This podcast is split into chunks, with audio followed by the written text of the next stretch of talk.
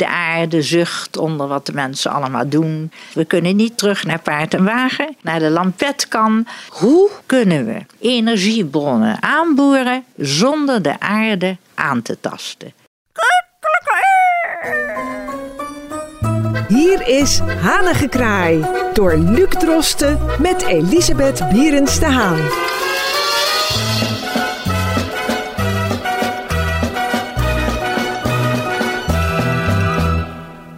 Hartelijk welkom bij alweer de negende aflevering van Hanengekraai. Een rubriek die eigenlijk als een wekelijkse column te interpreteren valt, zouden we kunnen zeggen. Want uh, dat is feitelijk wat het is. Elisabeth Bierens de Haan zit weer tegenover mij en laat wekelijks haar licht schijnen over een actuele kwestie. Zeker ook deze week is dat uh, het geval. Want we gaan het hebben over duurzaamheid. Mevrouw Bierens de Haan, wat vindt u van dat woord?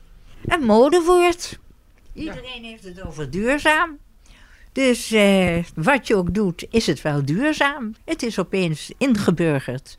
Ik weet niet of het in de encyclopedie staat, maar het is een heel nieuw woord wat eh, de mensen eh, bij en ontij naar buiten brengt. Uh, zou u er zelf een definitie van kunnen geven van dat woord? Het lijkt mij persoonlijk namelijk heel erg lastig, omdat heel veel mensen er iets anders onder lijken te verstaan. Ja, het is een heel ingewikkeld woord. Het houdt eigenlijk in dat je op zo'n manier uh, leeft en op zo'n manier je afval laat verwerken en dat je uh, van het plastic afkomt.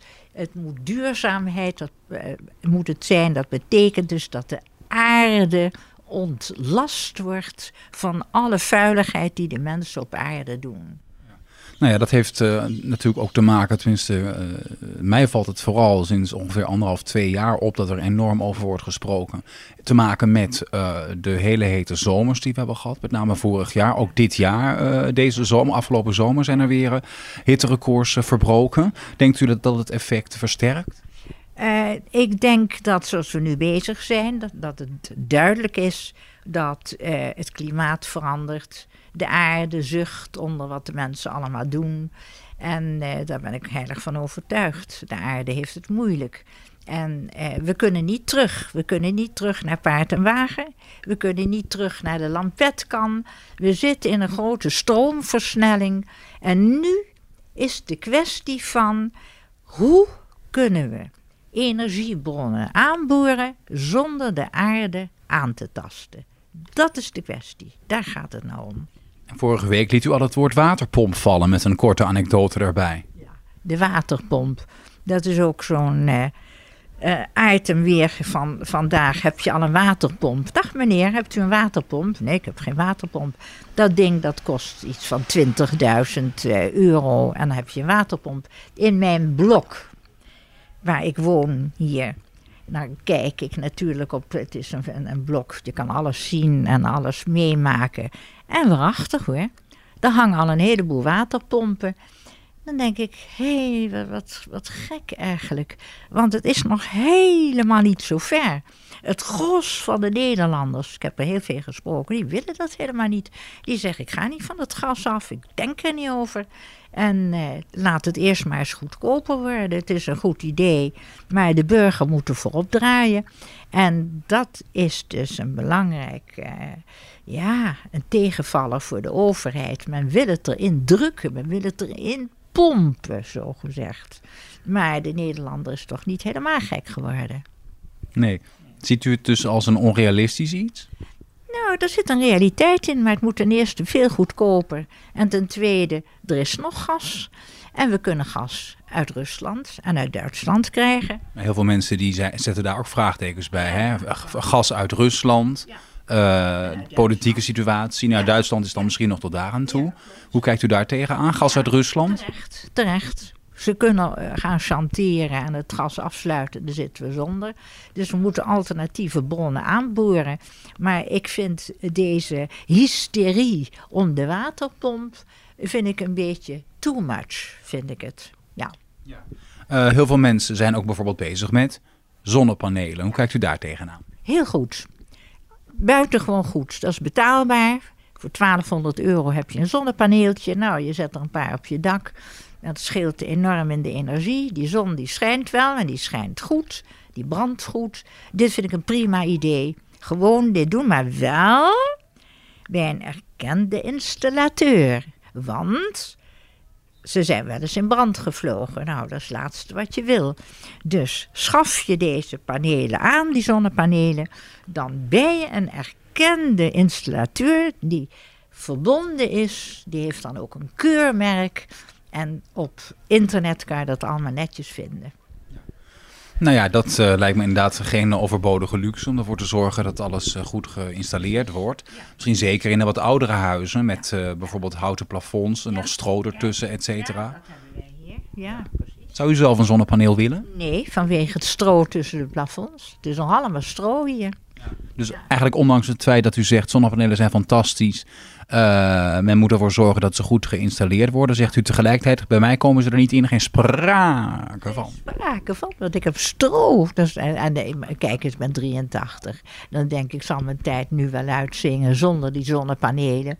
Maar als je je huis strovrij hebt gemaakt, en er zijn inderdaad buren die een stuk jonger zijn dan ik en die hebben dat laten doen. En die kunnen zonnepanelen op het dak doen. Dat is uitstekend. Ja. Denkt u dat uh, het een groot verschil maakt dat de Amsterdam, dat GroenLinks vorig jaar de grootste partij is geworden uh, in de gemeenteraad? Of denkt u, denkt u dat het feitelijk uh, overal in Nederland redelijk gelijk op zal lopen? Dat is de vraag. Je weet soms helemaal niet hoe die uitslagen lopen. Maar ik vind belangrijk in de politiek rechtvaardige besluiten op menselijke basis. Niet besluiten nemen die economisch zeer veel voordeel oplevert. Maar eh, natuurlijk, zo'n eh, GroenLinks-partij houdt rekening met de burger, met de kleine man, die het niet zo goed allemaal aan kan, die kleine man. Dus ik vind een politieke partij die uh, wel overwogen besluiten neemt, maar op basis van een medemenselijkheid. Uh, iets anders wat ik uh, graag van u zou willen weten is het onderwerp elektrische auto's. Ik weet bijvoorbeeld dat u uh, nou, na uw uh, tijd als stewardess ook heel veel gereisd hebt per auto. Met uw echtgenoot veel door Europa bent gereisd. Natuurlijk niet met een elektrische auto. Daar was het zo'n 40 jaar te vroeg, of te, te vroeg voor. Hoe ziet u de toekomst van de elektrische auto voor u? En zou u, want u rijdt geen auto meer, maar als u nog auto zou rijden, zou u dan overwegen om een elektrische auto aan te schaffen op dit moment met de mogelijkheden die er zijn, of dat niet? Um, het wordt steeds makkelijker en het wordt steeds goedkoper. Ik zeg prima. En ik vind het, uh, dit een goede uitvinding.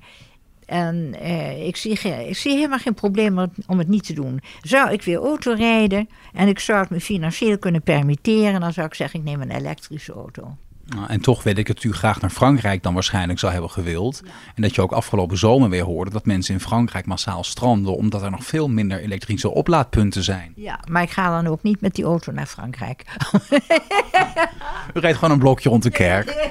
Ja, gewoon een blokje om de kerk. En that's it. Ja. Volgende week gaan wij verder op dit thema. We gaan een klein bochtje om, maar we gaan richting een onderwerp dat u na aan het hart ligt. En dat zijn namelijk dieren. En ik wil heel graag volgende week als, nou ja, misschien als, als tussenonderwerp, uh, heel graag van u weten hoe u aankijkt tegen, uh, en hebben we nog een, een, een, misschien een modewoord. We hebben het net over het modewoord woord duurzaamheid gehad, maar het veganisme. Ja. Het veganisme, dat is een, een heel nieuw woord. Ik hoorde het van iemand, veganisme. Ja, nou ja, het is op natuurbasis. Bepaalde dingen mag je ook niet nemen. Je mag zelfs geen melk nemen. Bepaalde producten, die zijn uit den boze. Kijk, als mensen er happy mee zijn en het uh, is goed voor mens en dier, zeg ik, nou ja, oké, veganisme. Ik vind te veel vlees helemaal niet goed. Er zijn vervangende dingen. En eh, onbespoten, al die winkels die uit de grond gestampt zijn, biologisch dynamische, antroposofische winkels, die onbespoten groenten verkopen en dergelijke, is een, een zet in de goede richting. En eh, ik heb er alleen maar respect voor. En ik, ik zeg, probeer het en kijk of, of het je bevalt. En of je er lichamelijk wel bij vaart. Dat is belangrijk. Blijf luisteren naar het eigen lichaam. Kijk, dat is een hele goeie. En ik luister volgende week weer met heel mijn uh, lichaam, wat ik bijna willen zeggen, naar uh, ons volgende item. En dan spreken we dus heel graag volgende week weer. Heel graag, Luke, en ik dank je zeer. Wilt u reageren? Mail naar hanigekraai.amsterdammefm.nl en uw bericht komt terecht bij mevrouw Berends de Haan.